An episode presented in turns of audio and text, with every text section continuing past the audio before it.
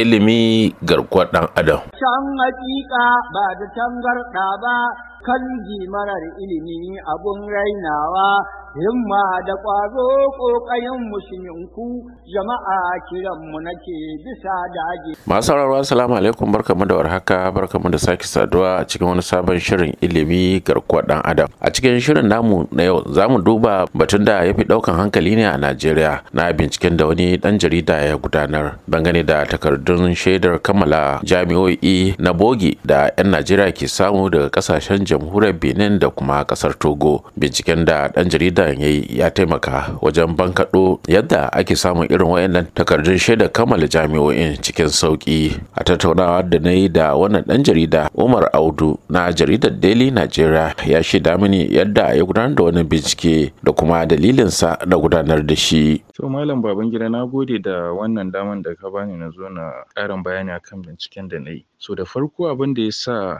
na yi wannan binciken shine a lokuta da dama mun ji yaran makarantu suna ta ƙorafe-ƙorafe cewa za ga akwai wasu colleagues nasu da maybe da suna the same department ko suna makaranta tare sai for one reason or the other ko an withdrawing nasu ko kuma su da kansu suka janye cewa ba su iya ba sai ga sun bar makarantan. To amma within short time sai ka zo ka gansu kuma sun sa kaki wato uniform na NYC kenan na bautan ƙasa a cewa sun gama karatun digiri. So sai ga kuma ka bincika sai ga yawancin su Kotono suke zuwa ko Togo. Cikin yar watanni ko just less than few weeks sai ga sun gama karatun digiri. To abin ne ya jawo hankalinmu muka ce a'a ba za mu bar wannan abin ya ci gaba haka ba sai mun yi bincike. Daidai mutane da dama an san cewa abubuwan nan na faruwa a Kotonu so amma ba wanda ya taɓa zuwa ya shige ya nemi diddigi diddigi sosai har ya sayi certificate ɗin har ya je NYC. To ya kaji dangane da matakin da gwamnatin tarayyar Najeriya ta ce za ta ɗauka ko ma ta ɗauka na gudanar da bincike akan wannan badakala na samun takardun bogi na kammala karatun jami'o'i da ka gudanar da bincike a kai. Allah da ikonsa an yi bincike bincike ya fito kuma ya yi nasara. Tuna mutane da yawa dai ana ta yabawa cewa gaskiya aiki ya yi kyau. To ga har ya kai ga gwamnatin tarayya ma ta ɗauki mataki wanda yes kowa dai zai iya cewa eh matakin da shi ya dace a yanzu. Sai har an an gama gudanar da binciken da ta ce za ta sa a yi. So gaskiya ina farin ciki sosai da wannan matakin da ministan ilimi ya ɗauka. So kuma Allah ya sa shi ne zai kawo ƙarshen wannan matsalan da ke addaban fannin ilimi na, ƙasar nan. To wannan ba ƙaramin aiki kai ba a lokacin da kake wannan bincike akwai barazana da ka samu daga wasu ko kuma wata hukuma a Najeriya ko kuma a ƙasar jamhuriyar Benin ɗin? So a gaskiya lokacin da yake ta gudanar da wannan binciken ba samu barazana ba sosai maganan gaskiya. So babu ma barazana. Kawai dai abin dai bai babu ne ba ne mai sauƙi don wannan binciken ya ɗauki tsawon shekara ɗaya yana ta yi because na biya kuɗin samun certificate ɗin a December 2022 na same ta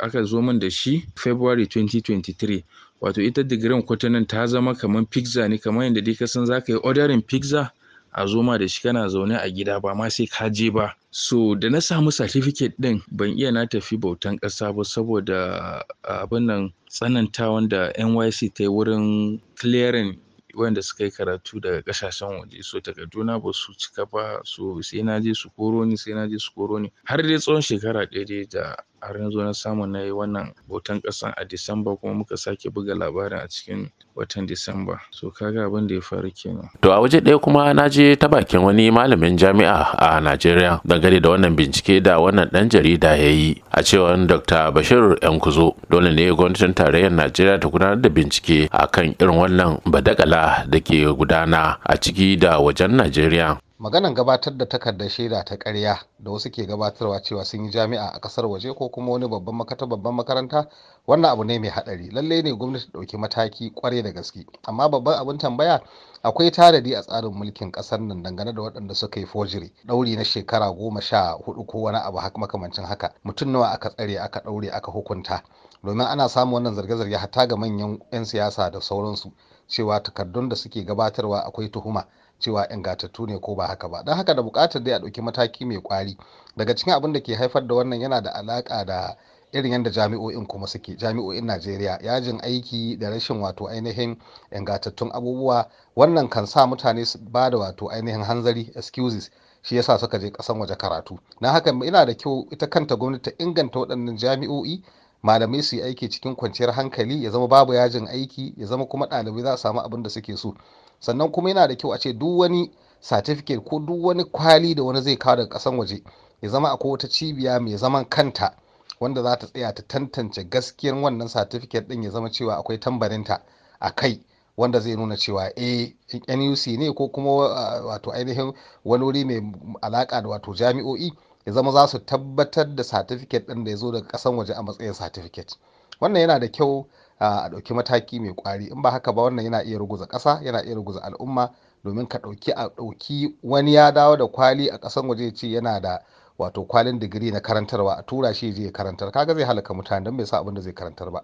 Ko kuma a ce malami likita ne ya je kawo wato ainihin kwali a matsayinsa na likita a je a bashi aiki a likita kuma ƙarya yake bai yi ba kaga wannan hadarin yana da yawan gaske Allah ta'ala ya kare mu da fatan dai za a ɗauki mataki mai kwari. To yanzu haka dai gwamnatin tarayyar Najeriya ta ɗauki wani mataki na dakatar da amfani da takardar shaidar kammala karatun jami'a a ƙasashen jamhuriyar Benin da Togo da Uganda da Kenya. Inda ta ce tana gudanar da bincike a kan ƙasar jamhuriyar Nijar. Bayan wannan ma akwai wasu jami'o'i na daban da ke cikin gida Najeriya amma suke da alaka da wasu jami'o'i da ke ƙasashen ƙetare. Su ma an dakatar da amfani da takardun nasu sai an kammala bincike. To sai dai kuma wannan mataki da gwamnatin Najeriya ta ɗauka bai wa wasu iyaye da ma ɗalibai daɗi ba wayanda 'ya'yan nasu ko ɗalibai suke karatu a wayannan ƙasashe da gwamnati ta dakatar da amfani da takardun nasu kamar yadda ɗaya daga cikin iyayen ya shaida mani. Mai magana alhaji abubakar muhammad na baban yaho akan maganan karantu na su kamar kwatano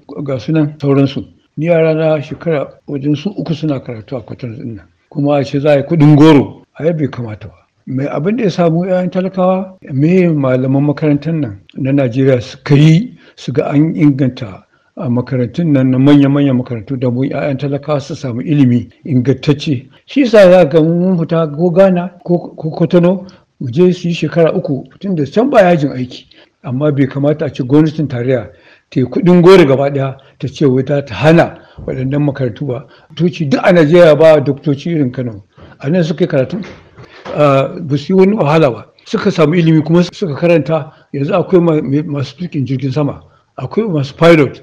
Akwai masu doktoci a Kano babu a arewa. Ya mu ba za mu riƙa fita waje yayin talaka ya je shekara uku ya samu mulkin ya samu ilimin shi ba domin nan sai shekara biyar. Su kuwa ainihin kyauta aka ba su ilimin nan. Amma har yajin aikin malaman nan ba wai don kishin kansu ba ne don a inganta jami'o'in nan domin 'ya'yanmu su daina fita waje amma ba a yi ba. Amma ya kamata gwamnatin tarayya ta zauna ta nutsu ta ga cin waɗannan makarantu shin wane ne wane ne na gari wane ne ba na gari ba. A nan ba ai akwai su mun san irin waɗannan makarantu amma za a ce kawai yanzu 'ya'yanmu da suka samu ilimi mun shekara uku kuma har yanzu akwai wanda suke aiki. In ka je can ma sai ka koyi faransu sannan ka zo kai a yi mafassara da ingilishi saboda kaga ba mu yadda cewa cewa za su soke waɗannan makarantu na ƙasashen ghana kotono abin nan. Domin yaran wacan suke zuwa saboda nan ba yajin aiki. In yaran kai na so karatu sai shekara biyar. Can shekara uku ya gama digiri din shi. Ba yajin aiki. Ya kamata shugabanninmu su yi nazari da irin waɗannan makarantu. In za su gyara makarantar najeriya ya'yanmu su daina fita saboda yajin aiki. A bincika ba wai za a yi kuɗin goro a ce duka an soke. Waɗannan makarantu da gadar da kwatar ba a duba sun waye waɗanne ne na gari waɗannan ƙasashe. To muna fata wannan shugaban ƙasa ya gyara ilimi ya gyara malaman makarantar ya ba su gudunmuwa da za su taimaka ma 'ya'yan talakawa domin makarantun nan a gyara su da yaran mu su rinka fita waje su yi shekara uku su samu digiri To masu saurare a nan ne kuma shirin namu na wannan mako wanda aka kara tsawonsa daga minti bakwai zuwa minti goma ya kawo ƙarshe a madadin lokacin ma'aikatan sashen hausa na muryar amurka musamman jami'ar da ta ba da umarni da daidaita shirin Julie Leather Gresham naku baban jibrin ke cewa a huta lafiya sai wani mako. Can hakika ba da tangarɗa ba kan marar ilimi abun rainawa himma da ƙwazo ƙoƙayen musulminku jama'a kiranmu nake bisa dagewa.